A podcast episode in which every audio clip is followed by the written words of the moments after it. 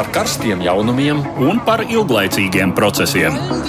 Par idejām, par cilvēkiem, par naudu un par laiku. Par abām mūsu planētas puslodēm, un lietojot abas smadzeņu puslodes. Ēterā raidījums divas puslodes. Labdien, jūs mājās ir trīs pēcpusdienā un kā katru trešdienu šajā laikā Latvijas radio pirmajā kanālā skan raidījums divas puslodes, kurā mēs spriežam par aktualitātēm visā pasaulē. Mani sauc Uģis Lībijams un es esmu Latvijas radio ziņu dienesta. Ar mani studijā, protams, kā vienmēr, arī otrs šī raidījuma veidotājs Edvards Lenīgs. Sveicināts! Labdien! Nu, šoreiz mūsu raidījums nedaudz atšķirsies no citām nedēļām, jo faktiski mūsu uzmanības centrā būs tikai viena galvenā tēma, un šī tēma ir, protams, Viļņā notiekošais NATO samits. Pirmkārt, jau tāpēc, ka tas samits notiek šeit pat blakus, mums kaimiņos. Otrakārt, tāpēc, ka karš Ukrainā joprojām turpinās, un Ukraina ir arī šī samita uzmanības centrā. Treškārt, varbūt tāpēc, ka arī šī samita laikā tiek pieņemti lēmumi, kas tiešā veidā um, ietekmēs gan Latvijas, gan pārējo Baltijas valstu, un arī visas Baltijas un Ziemeļu valstu reģionu kopējo drošību. Nu, un visbeidzot, mēs varam paskatīties arī to, kādus vēstījumus šis samits nosūta gan jau minētajai Ukrainai, gan Krievijai, gan arī droši vien pārējai pasaulē. Un šodien mums visu raidījumu gaitu studijā līdzās būs arī bijušais aizsardzības ministrs, politologs un arī jurists Tālaus Jonis. Sveicināti! Sveicināti! Bet uzreiz sākot runāt par NATO samitu, mēs gribētu dot vārdu mūsu kolēģim no ziņu dienesta Rihardam Plūmēm, kurš pašlaik atrodas Viļņā un atspoguļo tur notiekošo samitu. Sveicināts, Rihard! Jā, labdien! Varbūt uzreiz var mums izstāstīt īsumā, kādi tad ir līdz šim apspriestie jautājumi, kādas vienošanās jau ir pieņemtas gan attiecībā uz Baltijas valstīm, Latviju, arī, protams, Ukrainu. Jā, nu, ja mēs sākam ar Baltiju, tad mums būtiski ir šo aizsardzības plānu apstiprināšana, kur ir aprakstītas kādas darbības NATO veiks, ja kāds iespējams uzbrukums sekos, loģistikas tīkli, lēmumu pieņemšanas process, daudz citas lietas, uz daudziem simtiem lapušu. Un, um, NATO arī apņems palielināt savus ātrās reaģēšanas spēkus līdz 300 tūkstošiem karavīru, arī tiks pastiprināta Baltijas um, valstīs un citvietā Austrumē Eiropā izvietotie NATO partneru spēki, kaujas grupas tiks palielinātas līdz brigādes līmenim. Konkrēti Latvijai attiecīgos paziņojumus jau pirms samita, piemēram, pauda tāpat Kanāda. Tad vēl ir jāmin, ka Lietuva, Latvija, Igaunija šeit arī vakar parakstīja deklarāciju, kurā visas apņēmās veicināt Baltijas valstu gaisa telpas pieejamību. Uh, Būtībā no, tas nozīmē, ka nu, piemēram, to, ka sabiedroto lidmašīnu skaits un patrulēšanas biežums Baltijas gaisa telpā pieaugs. Un, kā mūsu amatpersonas norāda, vienkārši sakot, tad uh, Baltijas gaisa telpa kļūs drošāka līdz ar šo lēmumu. Jāmin arī, ka dalībvalsts vienojušās aizsardzības izdevuma minimumu noteikti 2% apmērā no iekšzemes koprodukta, proti, ka tā būs, ja tā var teikt, grīda, nevis griezti, kas būtu jāsasniedz 11 sabiedrotie, kur vidū arī mēs esam, proti, Latvija ir sasnieguši vai pārsnieguši šo latiņu, taču nu, nepieciešamība gan nodrošināt savu drošību, gan palīdzēt arī Ukraiņai nozīmē to, ka iespējami ātri valstī tomēr būtu jāsasniedz kā minimums šie 2%, lai tad virzītos jau arī vēl tālāk. Arī šis lēmums ir būtisks, jo nu, arī citu dalībvalstu spēju stiprināšana vairo arī mūsu drošību. Eh, runājot par Ukrajinu, protams, ka tā gaidīja no šī samita vairāk vai gaidīja maksimumu, un tas ir tikai loģiski. Proti, gaidīja uzaicinājumu pievienoties aliansē, bet eh, nu, NATO līderiem izdevās vienoties par to, ka Ukraina tiks uzņemta aliansē tad, kad sabiedrotie tam piekritīs, proti, nu, kad būs vienprātība un būs izpildīti arī visi priekšnoteikumi. Tātad Ukraina ir jātuvina un jāsagatavo tam brīdim, kad parādās šis uh, iespēju lokus Kijevu uzņemt aliansē, lai to varētu arī izdarīt ļoti ātri. Un visas puses arī saprotot, to starp Ukrainu, ka uzņemt Ukrainu varēs tikai tad, kad karš būs beidzies. Un tas varētu izskatīties piemēram tā, ka tas notiek brīdī, kad Krievija tiek izspiesta no visas Ukrainas teritorijas, un tad šai uzņemšanai jānotiek ļoti ātri. Bet NATO, lai tuvinātu Ukraiņu aliansē, piedāvā šo trīs elementu paketi. Pirmais ir NATO-Ukraiņas padomus izveide, kur tā vienkārši sakot, nu, tā ir vieta pie NATO galda Ukraiņai un puses tiekas kā līdzīgs ar līdzīgu. Un, NATO arī īsteno, īsteno šos ilgtermiņa atbalsta programmu, lai palīdzētu armijai pāriet no padomju laiku standartiem uz NATO standartiem. Un NATO atskatās arī no dalības rīcības plāna, atvieglojot iestāšanās procesu. Tad tas būs ātrāks. Nu, Ukraina ir iegūusi no vairākām valstīm arī divpusējas atņemšanās, turpināt atbalstīt Ukrainu dažādos veidos, militāri, finansiāli, humanitāri un arī šī koalīcija Ukraiņas pilotu apmācībai lai varētu lidot ar šiem F-16 iznīcinātājiem. Nu, tas tā īsumā par to, kas ir saistībā ar Ukrajinu un Baltijas valstīm vairāk. Šodien sanāksmes dalībnieks uzrunāja arī NATO, atvainojos, Ukrainas prezidents Valdimirs Zelenskis. Varbūt var pastāstīt, kādi tad bija viņa paziņojumi, viņa noskaņojums, cik es tā pirmais sapratu. Nu, laikam jau nāks atzīt, ka esam saņēmuši to, ko esam pelnījuši, un lai arī gribējās vairāk.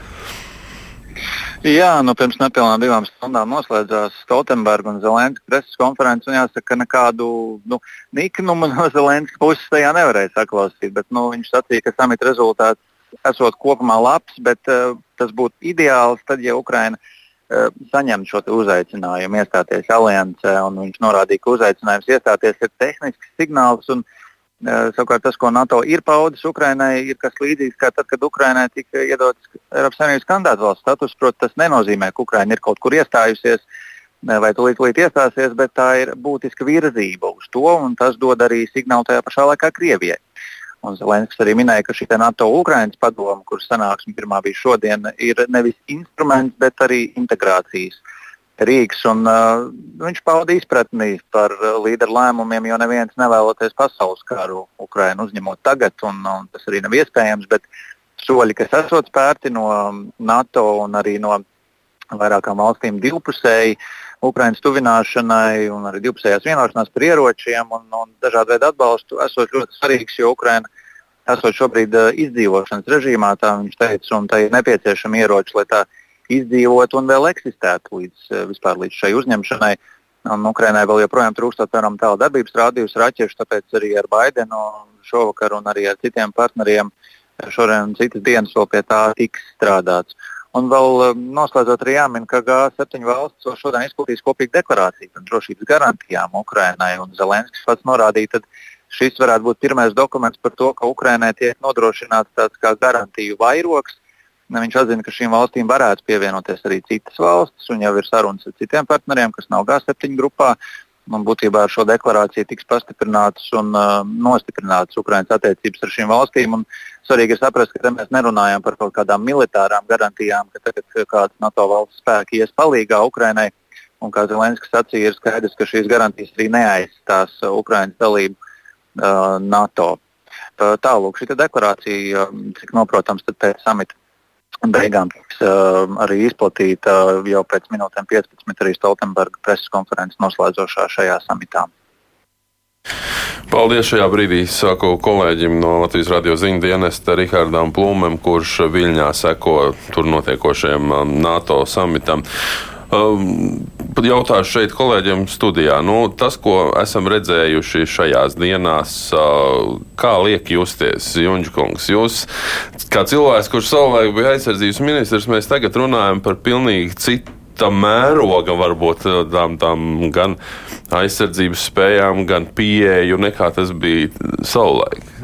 Nu, protams, eh, situācija ir mainījusies ne, ne tikai tāpēc, ka pasaule un Eiropa īpaši ir attīstījusies visos līmeņos, gan militārā, gan ekonomiskā, politiskā, bet, protams, karš Ukrainā situācija ir kardināli mainījusies. Es teiktu, atkal ne tikai Eiropā, bet visā pasaulē.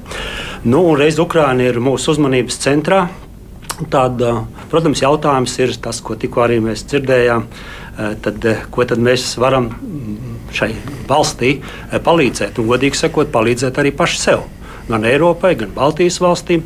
Nu, te ir tā izšķiršanās eh, par to, cik mēs krasi, rietumi, un, un Eiropa, un pasaule, un NATO valstis cik krasi mēs to savu apņēmību palīdzēt paužam, kaut vai vārdos. Es, es tieši gribēju, es to jautājumu tā kā biju no, no, noformulējis aptuveni tā. Nu, tagad mēs runājam par to, ka rietumu sabiedrotie savu klātbūtni palielinās arī Baltijas reģionā, tostarp līdz 5000 karavīru.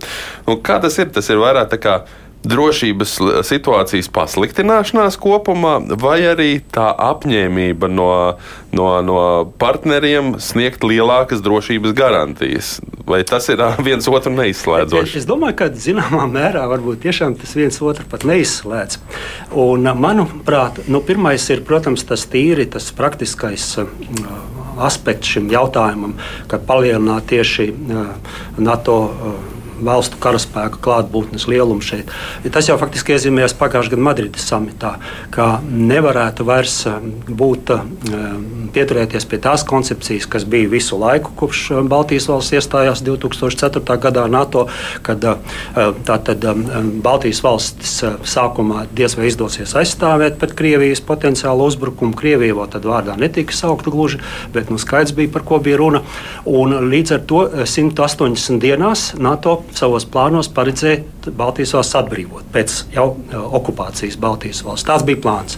Nu, protams, pēc uh, kara Ukrainā, pēc tam, kas notika okupētajās teritorijās, tām nežēlībām un neģēlībām un kara noziegumiem, nu, saprotams, ka visiem pavērās acis, kas ir mūsu potenciālais agresors. Un līdz ar to tiešām es ļoti augstu vērtēju to, ka jau Madridē iezīmējās šis ceļš, ka nē, šis plāns neder. 180 dienas atļaut okupēt Baltijas valstis, tas nav pieļaujams pieļaujams. Līdz ar to, lai to nepieļautu jau pirmajā triecienā, iespējamā no agresora, eh, tad eh, lūk, ir nepieciešams jau tūlīt šo, šo agresoru nu, pirmkārt jau atturēt uzbrukumam, un otrām kārtām tam, protams, noturēt viņu. Tātad tomēr arī reāls, nu, reāla pretreakcija mm, hipotētiskiem draudiem. Es domāju, ļoti reāla, ļoti objektīva. Nu, varbūt uh, drusciņi dažās lietās arī šajā varbūt drusciņi pārāk emocionāli pārsteidzamies. Nu, Krievija patreiz ir pārāk vāja, es teikšu, godīgi, manuprāt, ja, un eksperti tāpat domā, lai viņa vēl, teiksim, uzbruktu tuvākajos gados, es pat teiktu, neminēsim cikos, vēl kādai NATO valsts valstī. Es domāju, viņi to nav spējīgi. Tāpēc nevajadzētu pārāk teiksim, nu, stresot mums arī Baltijas valstīs, cik nu tas iespējams. Saprotu, tas ir grūti izdarāms.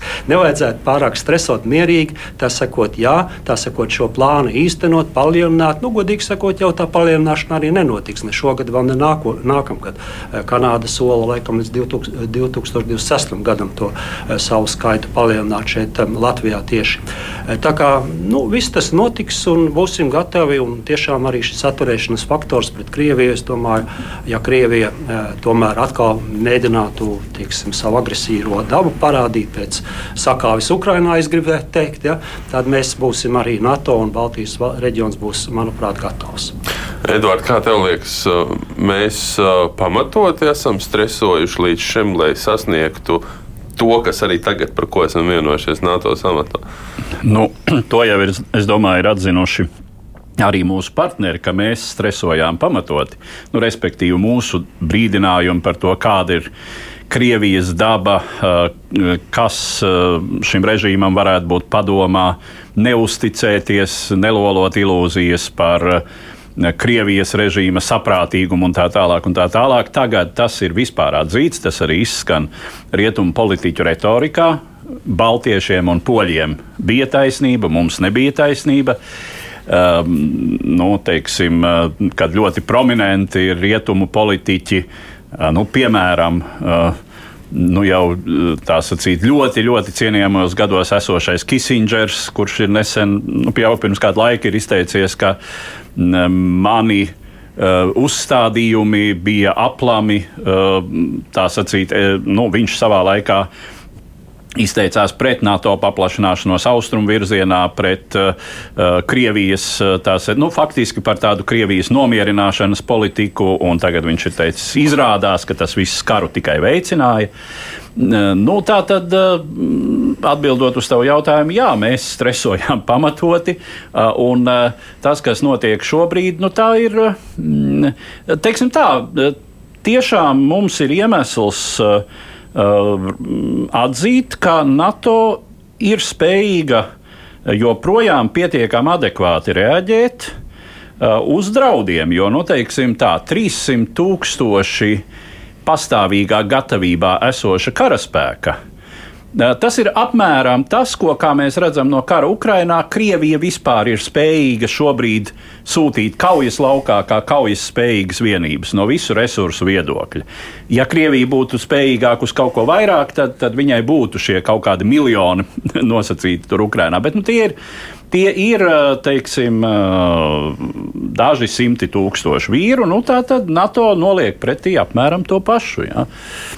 Un, atgādinot vispār zināmo, nu, nav iespējams pat, ja teiksim, Krievijai būtu uh, kvantitatīvi šāds resurss, eh, kura tai arī šobrīd nav, nu, nav iespējams šos spēkus eh, koncentrēt tik ātri, lai NATO nepaspētu reaģēt. Drīzāk ir otrādi.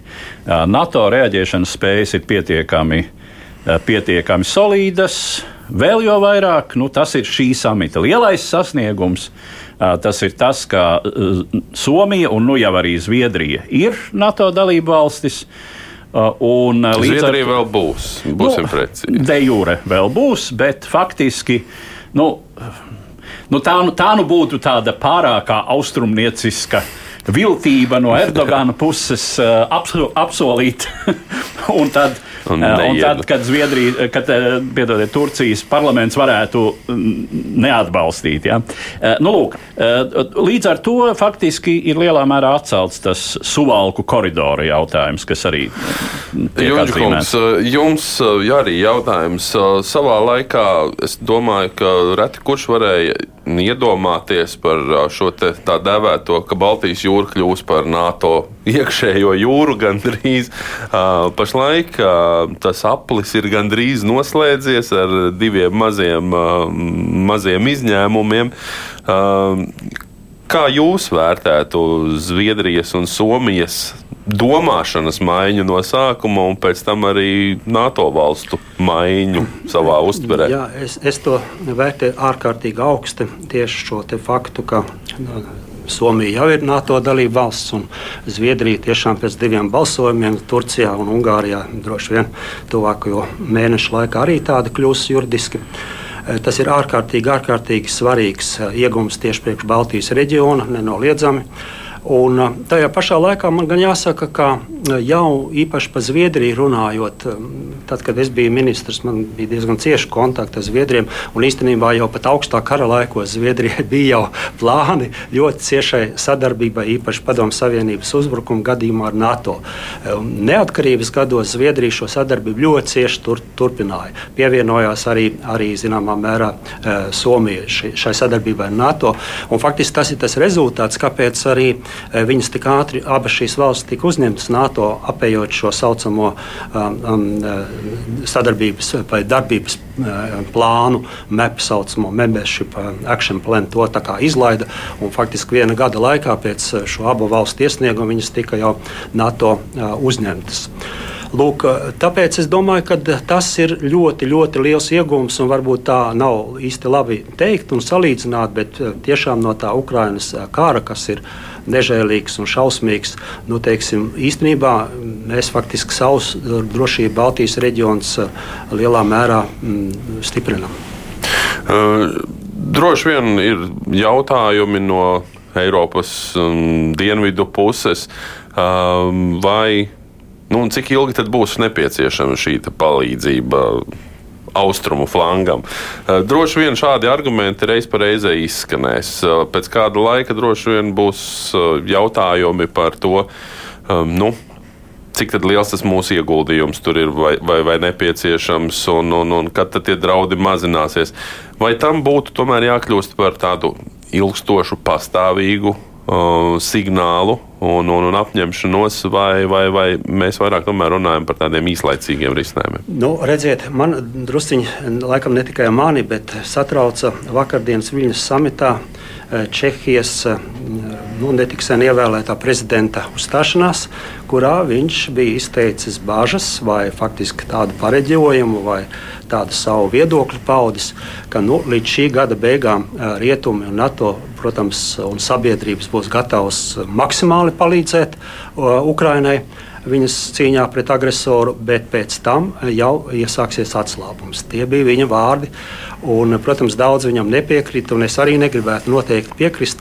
Bet, nu, protams, jārēķinās, ka sabiedrībās un vēlēšanas un politika daž, dažādās arī NATO valstīs, tā skaitā ASV priekšā stāvošanās vēlēšanas, nu, tas var kaut kādus pagriezienus ieviest, bet, bet nu, es ļoti ceru, ka pirmām kārtām tas karš tomēr neievilksies gadu garumā, un pati Ukraina jau, es gribētu viņiem ticēt, ka viņi saka, ka nākamais gads noteikti būs tas, kas nesīs Ukrainu uzvaru. Gribētos tam ticēt.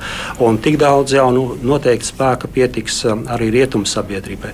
Nu, pēc tam, protams, sāksies nākamais etaps - Ukrainas uh, atjaunošana un aizsardzības sistēmas jaunas izveide. Jā, šī Čehijas prezidenta uzruna daudz viņai pievērs uzmanību, tāpēc, ka viņš runā kā militāra persona. Jā. Un, uh, nu, varbūt jums pēc tā jaunā gada nebūs vairs citas iespējas. Vai tas ar kaut kādu signālu liecina par nezinu, NATO spējām, vēlmi vai. vai uh, nu, Nu, es domāju, ka drīzāk tas, ko tu teici, jā, viņš runāja kā militāra persona, nu, bijusī militāra persona. Tātad, Bet kara laikā ir jāklausās tā, militāra personās. Uh, jā, un nē, nu, teiksim, militāra, militāra personu izjūta uh, atšķiras no politiķu izjūtas. Uh, vienā arī Cita starpā vienā ļoti būtiskā aspektā - militāristi parasti ir bailīgāki, labā nozīmē, piesardzīgāki. Eh, viņi eh, izjūt ar karu saistītās bažas un riskus daudz asāk nekā politiķi, saprotamiem iemeslu dēļ, jo viņi saprot, ko nozīmē karš, eh, saprot būtiski.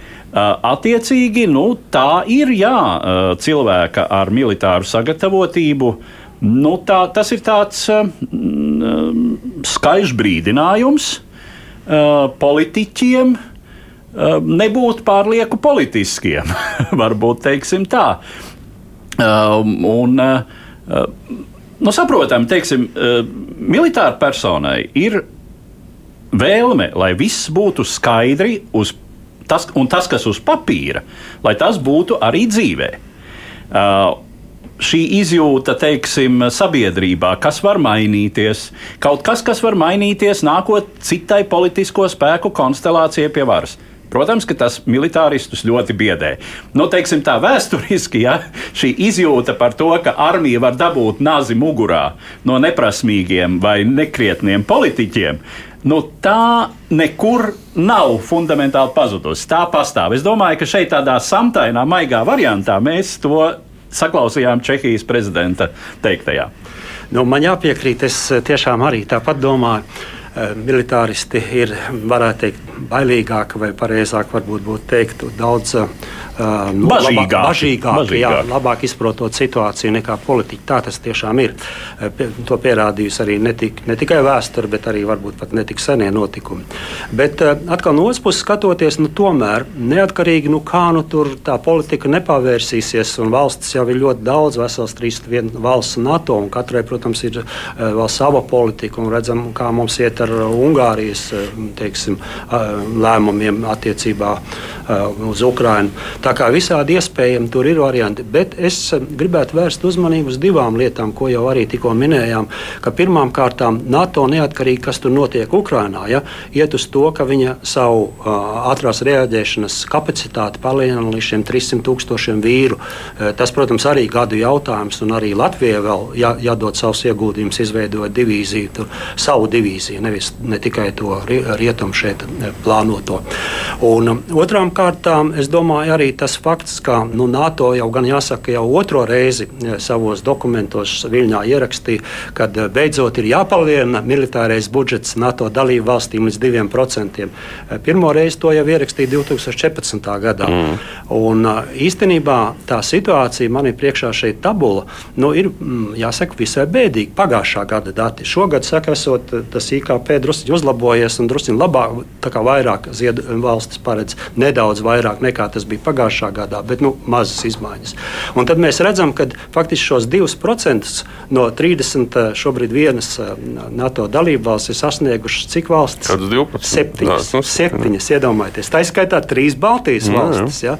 Un, šodien es arī dzirdēju ziņas, ka mūsu gan aizsardzības ministre, gan arī premjerministrs jau Viļņā intervijā saka, nu, mēs Latviju palielināsim savu militāro budžetu līdz 3%. Ja? Kaut ko līdzīgu jau arī Lietuva laikam ir izteikusi. Tas vakardien tajā deklarācijā jā. arī tika paredzēts. Tāda apņemšanās bija. Jā.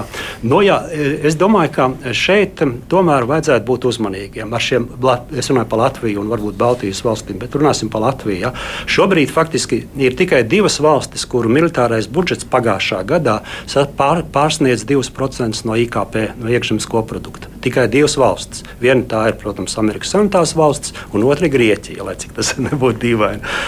Lūk, un, Tā tad 3%. Es atceros, kad es biju ministrs 90. gadi. Visi. Mums pagāja desmit gadi, lai savu militāro budžetu no 1%, no 1,5%, turklāt vēl 6 gadi, lai palielinātu līdz 2%, lai nu, tā 2004. gadā tiktu NATO. Un tagad es, es dzirdēju, jau nākamgad mēs paredzam jau 1% klāt 3%. Manuprāt, Iespējams, ka tas ir iespējams. Es negribu izslēgt politiķu labo vēlmi, bet es domāju, vai tas ir pareizs ceļš, vai tas ir vajadzīgs. Un ziniet, kāpēc? Vai te atkal nav runa par emocijām? Eh, Pirmkārt, tāpēc, ka eh, valstu drošība nav tikai militāra aizsardzība. Ja mums armijā nebūs ņemt, ko ņemt, tā sakot, te pašā tagad jau obligātā vai valsts aizsardzības dienestā puikas, kuriem veselība klibo, ja mēs veselības aizsardzībai nebūsim veltījuši, ja mēs sportam atņemsim naudu, ja, tad jau neko nezdos tā tīrā nauda, tie 3% militārai aizsardzībai. Jā, mēs tagad par uh, militāriem ekspertiem un drošības ekspertiem. Uh, ja politiķi ir, uh, politiķi varbūt ir ambiciozi, ja militāra personas ir piesardzīgas, tad uh, dažādi drošības eksperti un komentētāji savos izteikumos var būt uh, pietiekami asi. Un šajā brīdī mēs esam sazinājušies ar uh, Vācijas Maršala fonda drošības politikas ekspertu Kristīnu Bērziņu. Sveicināt, Kristīna! Sveiks, sveiks! Vakardien jau tad, kad izskanēja pirmās ziņas arī par šo G7 valstu solītajām drošības garantijām Ukrainā, Ukrainai un tam līdzīgi, jūs jau diezgan piesardzīgi komentējāt šīs perspektīvas. Tāpēc es uzreiz gribētu no jums uzdot tādu jautājumu, kas jūsuprāt ir tas galvenais šī samita notikums, kuru mēs pieminēsim turpmākajos gados, ar ko asociējās Viļņas samits un kas ir tā, tas pozitīvais iznākums jūsu skatījumā un kas ir tas negatīvais? Nu, jā, es arī tagad uh, esmu Viņā, es tagad piedalījusies NATO publiskajā fórumā un bijusi tur, kur viss notiek. Un ir uh, emociju šeit ir bijuši ļoti daudz no tā, tad, kad uh, Turcija pieņēma uh, vai, vai, vai piekrita uh, ka Zviedrija drīkst pievienoties. Tur bija milzīgs uh, emociju vilnis par to, ka beidzot notiek uz veids, kā būs tagad, uh, 32. NATO dalībvalsts. Un, uh, kā ļoti pozitīvs iznākums tieši ir arī Zviedrijas jautājums, ka tagad ir galvenās uh, jau iepriekš uzrunātās valstis, uh, tagad būs iekļuvušas un nepadarītie Madrides darbi tagad ir padarīti. Vēl kas ir ārkārtīgi svarīgi, ir, ka mums uh, ir tie pieņemti kā, nu, tehniskie plāni reģionālai aizsardzībai. Kāpēc tas trūk? Tas ir tāpēc, ka ir, ir jābūt reālam uh, ceļam un visām dalībvalstīm, visiem sabiedrotiem ir jāsaprot, ja gadījumā notiek sliktākie scenāriji, kā var NATO visas valstis, tā skaitā Baltijas valstis, aizsargāt. Un, ja ir reģionālie drošības plāni, ja tie arī iekļauj tagad Somiju un būs Zviedrija, kā izskatās praktiskā aizsardzība, kā var ārkārtīgi ātri aizsargāt visu teritoriju. Un, e, tas ir nu, īpaši svarīgi atkal tieši Baltijas valstīm, tāpēc ka ātri arī mācības veikt, vingrināties, saprast kopā sastrādāties. Tas, kas jau kā ādažos, ir tik daudz valstis, kuras ikdienā reāli karavīri iemācās kopā sadarboties.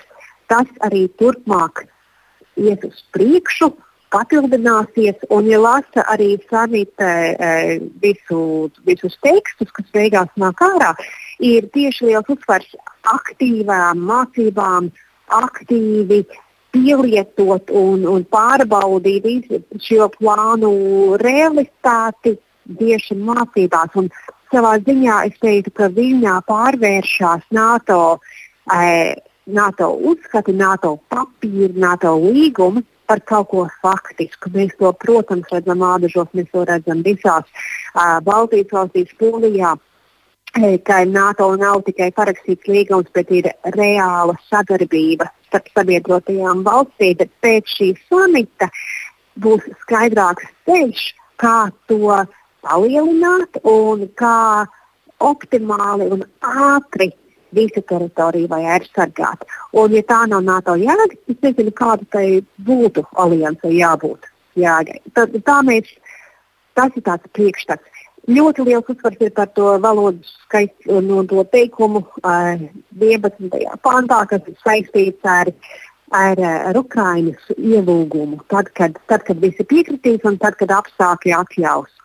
Un Nav liela skaidrība par to, kādi apstākļi šodien arī Lietuvas ārlietu ministrs Landsbergis stāstīja, ka apstākļi arī tas attiecās uz Ukrainu un uz Ukrainas reformu procesu. Tātad ne tikai frontes apstākļi, bet arī apstākļi paši, pašā Ukrainā.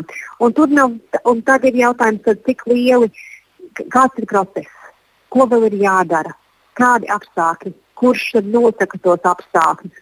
Un dabīgi, ka visiem sabiedrotajiem ir jāpiekrīt, par katru teikumu šajā dokumentā visiem sabiedrotajiem arī ir jāpiekrīt. Un tad e, ir. E, Nu, izskatās, ka tas arī neliels izaicinājums Ukrainai pierādīt sevi ar vien vairāk. Tas no daudz dalību valstu skatījuma ir pats, kas ir saprotams, tāpēc, ka ir risks un tāpēc, ka tik daudz ir dots. Un, un ka Ukraiņai sevi jāpierāda, bet no Ukraiņas puses arī mēs ļoti daudz dzirdējām publiskajā fórumā no pilsoniskās sabiedrības, no Ukraiņas, ka Ukraiņa sevi jau ir pierādījusi.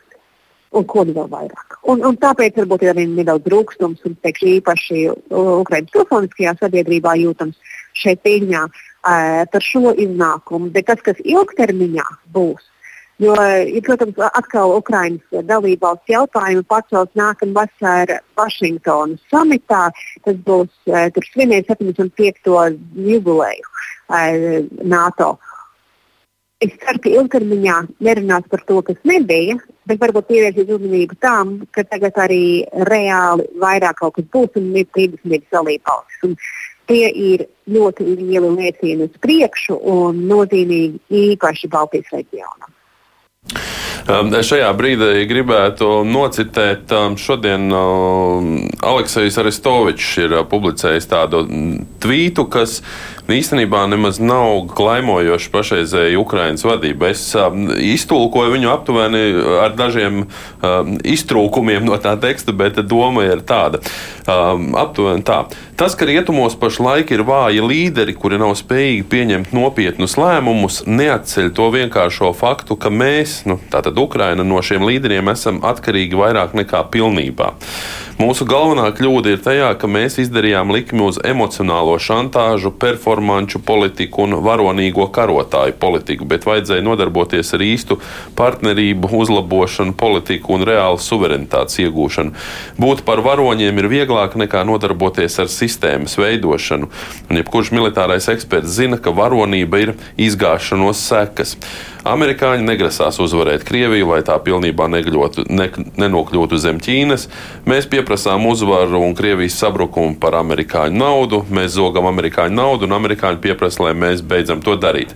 Ja mēs nekavējoties neķersimies pie izmaiņām sistēmā, pamieris ar Krieviju saskaršanās līnijas, kurš mums noteikti nemaz nepatiks, varbūt arī nebūs ļaunākais, kas mūs var gaidīt. Um, Kristīna, um, Jūs minējāt to, ka Ukraina ir paveikusi daudz, bet nu, šeit izskan no Aristoviča tāds viedoklis, ka nu, tomēr tā pieeja varbūt nav bijusi tā pareizā, efektīvākā, un varbūt tas rūkstošs ir palicis un nav dabūts uh, tik daudz, cik gribēja vai varēja. Uh, nu, tīri varbūt pašas Ukrainas dēļ. Vai ir pamats domāt, ka politiskajā lietā tiešām prasīja visu, spēlējot uz emocijām, neņemot vērā reālās iespējas un politiskos noskaņojumus, un ka tiešām šeit ir arī Ukrainas pusē kaut kādi ļoti, ļoti, ļoti nopietni mājas darbi, kuri tad arī varētu liecināt to, ka šī uzaicināšana NATO vai iestāšanās NATO nemaz tik tuvu nav. Es teiktu, ka tāda vilšanās par Zelenska reakciju vakardien Twitterī, bet arī par to rūkumu sajūtu noteikti ir šobrīd Viņā. Un tādēļ, ka jau nebija runa par to, ka no šodienas varētu Ukraina iestāties, ka nebija, nekad nav bijis domāts, ka varētu no šī mirkļa atrisināt Ukrainas jautājumu NATO. Bet kaut kā ir izaugušas tās cerības, ka to varētu ar lielu blīkšķi šodien nu, uz emocijām, bet uz, uz, uh, uz uzslavām, uz, uz, uz, uh, uz brālības sajūtu to paveikt. Bet tā birokrātija un diplomātija tik vienkārši jau neiet uz priekšu. Tā doma savā ziņā ir aizsargāt tieši NATO intereses un lai tie, kas ir, ir pareizi arī sagatavojušies. Varbūt būtu bijis gudrāk pirmstām, bet īpaši Zelenskim pašam un Ukraiņas tautai izskaidrot to, ka viņiem, ka, ka, ka tas nebūs, tas nebūs uzreiz, tas nebūs ar bumbu šodien. Un, lai gan it kā par to ir bijusi saprašana, vienalga tāds sarūktinājums, tas nenāk pa labu, tas nenāk pa labu frontes līnijā. Jo liels uzsvars viņai par to, ka tik daudz arī tiek dots. Tagad ir eh, NATO Ukrainas padome, kuru izrunā jautājums ir daudz lielāks. Politiskās diskusijas, no, tiek būvētas institūcijas, kuras satavina NATO un Ukraina. Pašlaik tiek atvieglots process, lai iestātos tur dalības plāna, tā nu, map, tādās mapas. To tagad, to tagad atņemt, tad nebūs tas neatieksies uz Ukrainu cenšas pātrināt to ceļu, bet ja sagaidīt visu uzreiz, un ir, un ir labi, bet nav, bet nav tas viss, un nav uzreiz, nu, tad nav, nav tāda forša sajūta. Un šis izteikums par uh, vājajiem rietumu līderiem, vai mēs tomēr, uh, nu, vai nu, mums noteikti negribās tā domāt, jo tā izlēmība ir bijusi pietiekami liela. Tie mūsu iespēju nos, nos, nodotie uh, vēstījumi, man liekas, arī ir pietiekami skaidri. Nu, es skatos, ka, pieņemsim, Lietuvas uh, pārstāvi arī ir izteikušies, ka, nu, tomēr, nu, jā, gribējās jau arī, ka tā reakcija būtu tāda uh, par. Uh, par NATO kā vadošas uh, organizācijas līderiem par viņu uh, nu, spējām, par nosūtītajiem vēstījumiem. Uh, vai šis samits ir parādījis, ka nu, tomēr kaut kāda apšaubīt šo izlēmību nav nekāda pamata vai, vai varbūt pretēji? Es teiktu, ka, ka, ka NATO sarunas vienmēr ir diplomātiskas sarunas, kur meklē vienotu politiku visām dalībvalstīm, un dalību valstu ir daudz, un, un, un, un tūlīt būs vēl vairāk. Par vājību es tur nerunātu, tāpēc ka visas dalībvalstis tagad piekrīt tam, ka Ukraina būs NATO dalība valsts. Tas, ka nav ar mieru konkrēti šodien ielūgt nu, Ukrainu NATO, nu, es neteiktu, ka tā ir ka tā būtu īpaša vājība. Tās ir arī stingras nostājas par to, kas ir nepieciešams un par principiem. Arī es teiktu, ka apvainot. Apvainot NATO, apvainot NATO valstis, kuras man ir ārkārtīgi daudz devušas, un pilsoņus, kuri ir ārkārtīgi daudz devuši, e, Ukrainai arī neizskatās smuki. Tāpēc, ka Īpaši tāpēc ļoti daudz NATO dalību valstis uh, cīnās par to, lai Ukrainai būtu tik vien daudz, uh, iespējams, tik vien ātri. Un, ja Ukrainas uh, amatpersonas vai, vai zināmi cilvēki apvaino NATO dalībvalstu līderus, kuri paši uzskata, ka tie tomēr ļoti cenšas palīdzēt, tad par to atkal ir no otras puses rūkums. Un tas izspēlējās šodien tieši tādā publiskajā fórumā. Bija Amerikas Nacionālās drošības padomnieks Čeks Salamans, kuram uzdeva jautājumu no um, pilsoniskās sabiedrības uh, Ukrainā par to, kā, tagad, kā, kā varēs atgriezties uh, Ukrainā, atgriezties Kijavā, pateikt bērniem, ka redzi, ka vēl joprojām Ukraina nav NATO. Un, uh, Un pat kad bija apvainojošā tonī, un atbilde bija par to, ka vajag, ka ārkārtīgi daudz ir Amerika devusi Ukrainai, un ka par to arī vajag e, izteikt pateicību savā ziņā. Tā kā tā divpusējā mm, vilšanās uh, viņai ir jūtama, un tāpēc arī samits ir licies ārkārtīgi uh, piesātināts ar emocijām, tā kā citas gadus varbūt nemēdz būt, jo abām pusēm ir sava taisnība. Visas NATO valstis dod ārkārtīgi daudz, un, un, eh, tas, un arī to nemaz nav tik viegli vienmēr sabiedrībām, pilsoņiem izskaidrot, kāpēc tik daudz ir jādod Ukraiņai. Uh, bet no otras puses, Ukraiņa cīnās un, un Ukraiņa cenšas, un vēl joprojām varbūt nav rezultāts. Un kā tad kā mēs virzīsimies uz priekšu un kā, kā noturēsim to vienotību un, un labestību savā starpā un neļautam rūkumam tik ļoti noteikt arī politiku un tonus, jo tomēr sadarbība šeit tas ir tam jābūt tam pamatprincipam. Jā, paldies šajā brīdī saku Vācijas Maršala fonda drošības politikas ekspertei Kristīnai Bērziņai, kas atrodas uh, Viļņā un seko līdzi NATO samitam. Un, uh, turpat atrodas arī NATO strateģiskās komunikācijas centra vadītājs Jānis Sārts. Sveicināti! Sveicināti! Mēs runājam par dažādu sāpīti rūkumu, kas dažādām pusēm ir vai nu palikušas šī samita laikā, vai līdz galam nav izrunāts, vai arī beidzot ir izrunātas. Kā jums liekas par šiem vēstījumiem?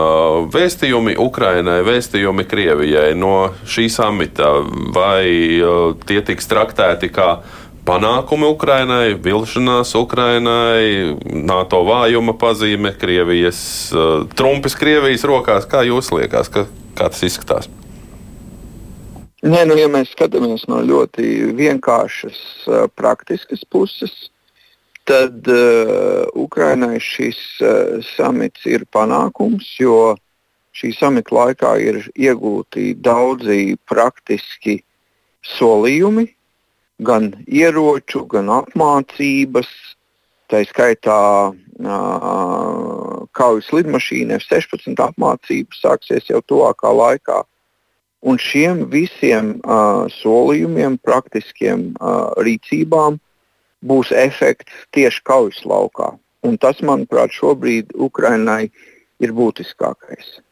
Kas ir vilšanās, neapšaubām, Ukrainai ir tas, ka atšķirībā no viņu nu, teiksim, sagaidītā un arī no tā, ko mēs kā Latvija, kā Baltijas valsts un no citas valsts mēģinājām panākt, nav skaidra uzaicinājuma uh, Ukrainai kaut kādā pārskatāmā nākotnē kļūt par uh, NATO dalību valsti. Bet nu, jāsaprot, ka praktiski tas tāpat varētu sākt tik, tikai diskutēt tiks diskutēts tikai pēc uh, kara beigšanās. To arī paši Ukrāņi ir atzinuši. Līdz ar to nu, tāpatās tā pirmā prioritāte ir uzvarēt karu. Un tieši tāpēc, manuprāt, tā pozitīvā šajā samitā priekš Ukraiņas ir vairāk nekā negatīvā. Otrs, nu, mēs jau arī dzirdējām, es domāju, šodien pats uh, Ukraiņas prezidents Zelenskis bija krietni vien pozitīvāks nekā mēs viņu dzirdējām vakar, kas arī, es domāju, ir tāda zīme, ka, ka lietas uh, nu, varbūt nav bijušas uh, tik drūmas, kā varbūt sākotnēji viņam šķita. Paralēli Ukraiņas tēmai mēs uh, bieži pieminam arī Zviedrijas un Somijas gadījumu. Un tieši pirms šī samita arī uh, bija nu, teiksim, tā, akcepts no Turcijas prezidenta puses. Šī Turcijas komunikācija tomēr valsts ļoti ietekmīga NATO ietvaros.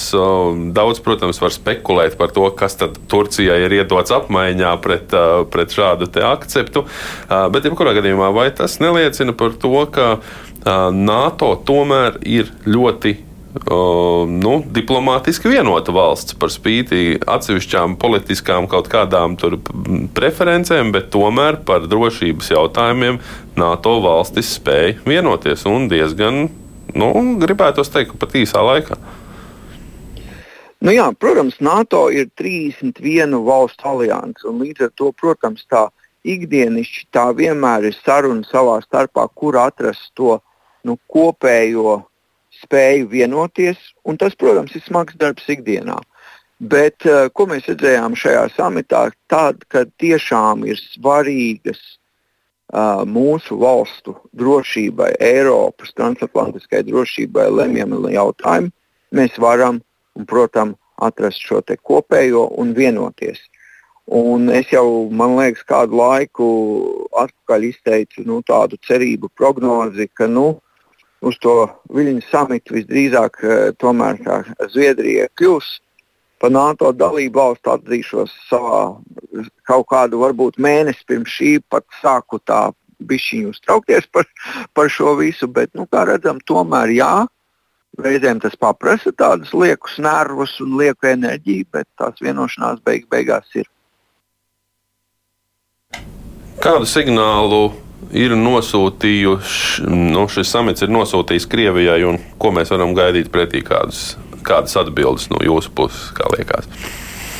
Nu, tipiski, ko Krievija dara, viņi uh, nemēģina īpaši konkurēt uh, tādā informācijas telpā ar NATO tieši tajās samita dienās. Viņi mēģina nu, to atbildi sūtīt, nu, teiksim, nedēļas, divu nedēļu laikā pēc samita. Es domāju, uh, nu, ko viņi atbildēs, mēs redzēsim, un vai viņi atbildēs, mēs redzēsim. Iespējams, arī nu, būs kaut kāda demonstratīva uzbrukuma, varbūt lielāki Ukrainai. Uh, bet tas, uh, es domāju, tas, ko NATO nosūtīja ziņu Krievijai, ka NATO uh, ir uh, gatava atbalstīt Ukrainu, cik ilgi tas vien ir nepieciešams, un šis atbalsts tikai pieaugs, nevis samazināsies, domāju, praktiskais atbalsts. Un ka Krievijas stratēģija, ka nu, ar laiku rietumi nogurs pārstās atbalstīt Ukrainu un tad atvērsies iespēja, nu, ka uz šo stratēģiju Krievijai nevajag cerēt. Un visbeidzot, noteikti es pieņemu, ka cilvēkiem, kas nu, kaut cik joprojām realistiski uh, spēj novērtēt uh, situāciju Krievijā, nu, es pieņemu, viņiem vajadzētu iestāties savu, savu veidu bezcerībai. Jā, jo nu, šobrīd uh, viņi principā ir kļuvuši par noteikti uh, nopietniem vēsturiskiem zaudētājiem šī konflikta. Protams, Ukraina arī ir ļoti cietusi, bet tas vēsturiskais zaudējums kas ietekmēs arī nu, valsts tālāko dinamiku, tīri jau tādā vēsturiskās proporcijās, tas ir, tas ir, tas ir Krievijas liktenis. Paldies šajā brīdī teikšu NATO strateģiskās komunikācijas centra vadītājiem Jānim Sārtam. Paldies jums! Mēs atgriežamies šeit studijā. Es klausoties gan Kristīnas Bērziņas teikto, gan Jāņa Sārta teikto, es aizdomājos par tādu lietu, par šiem nosūtītajiem signāliem, par pieņemtajiem lēmumiem. Um, um, ka faktiski jau mēs esam nosūtījuši signālu nevis par to, ka tiks stiprināta Ukraina un Ukraina būs gatava, bet mēs paši būsim gatavi. Nu, par to, ka šie te tehniskie plāni reģiona aizsardzībai tagad ir kļuvuši no, no, no papīra par reāliem, taustāmiem kaut kādiem resursiem, kas mums ir. Kā jums liekas, kā tas, vai tas tiešām atbilst patiesībai, vai mēs rādām, ka mēs kļūstam spēcīgāki? Nē, nu, es, do, es domāju, ka noteikti tur nu, šaubu lielu nevarētu būt, ka mēs kļūstam spēcīgāki. Pirmkārt, jau kā mēs runājam, tas pateicoties tam, ka NATO spēki reāli šeit atradīsies Baltijas valstīs, tādi, kas var aizstāvēt mūsu valstis jau pirmajās uzbrukuma dienās un noturēt šo uzbrukumu. Šie tiešām 300 tūkstoši vīri ir apmēram tas pats, ko Krievija tagad pirmajā fāzē lika Ukrainā pretīm pagājušā gadā. Lūk, otram kārtam arī mēs minējām to pretgaisa aizsardzības iniciatīvu. Tā varbūt ir nevienmēr tā labi izprast, ko tas nozīmē, bet īstenībā tas arī ļoti svarīgs solis. Un tas nozīmē, ka faktiski nu, nosaukt viņu tādā varbūt drusciņš šifrētā veidā ir kā um, atvērta gaisa telpa Baltijas valstīs NATO um, gaisa spēku mācībām. Faktiski tā ir pretgaisa aizsardzības sistēmas tiešām apmācīšana, trenēšana lai, teiksim, militāru uzbrukumu gadījumā no uh, Krievijas, arī no Baltkrievijas, starp citu šī josla tieši stiepās no, no um, Igaunijas uh, austrumu robežas līdz uh, caur Latviju līdz Lietuvas austrumu robežai ar Poliju. Un vienmēr cikot, faktiski tur jau tiks atstrādāts pretgaisa uh, sistēmas aizsardzība, gaisa, gaisa raķetes, piemēram, vai arī, protams, gaisa jau vajadzīgs. Ja? Tā, tā ir viena, viens būtisks elements pretgaisa aizsardzības sistēmā. Papildus eh, tām eh, pretgaisa aizsardzības sistēmām, zemegaisa, kuras, kuras eh, Latvija pati, protams, jau plāno, tā skaitā kopā ar Igauniju iegādāties. Nu, un, protams, arī tas vēlreiz jāuzsver Zviedrijas un Somijas iekļaušanās. Nu, mēs jau pavisam tādā drošā saimē jūtamies.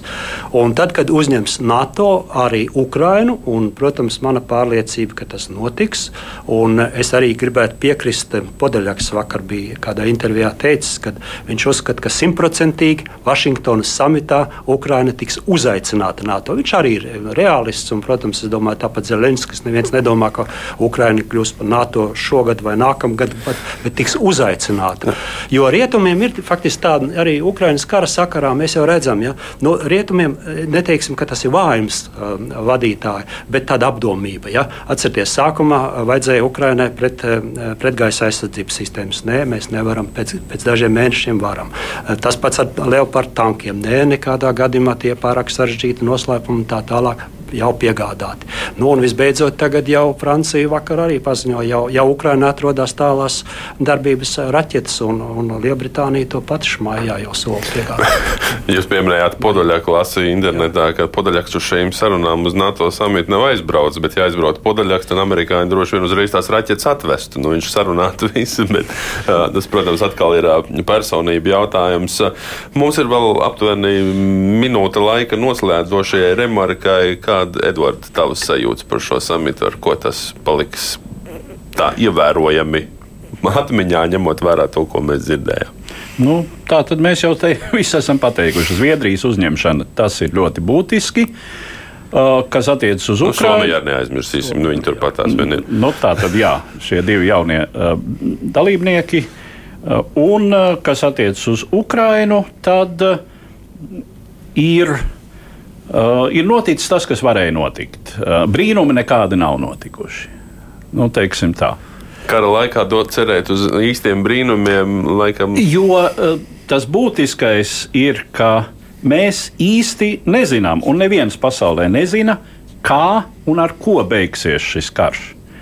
Uh, mēs varam prognozēt, mēs varam izteikt pieņēmumus, bet tas jau ir tas būtiskākais arī Ukraiņas iestāšanās sakarā, ka par to Par to mēs redzēsim pēc kara beigām, lai kādas tās arī būs. Uh, un uh, es domāju, ka kara noslēgums um, beidos tādu pavisam citu, kvalitatīvu citu situāciju, kurā arī Ukraiņas iestāšanās jautājums būs citā kontekstā.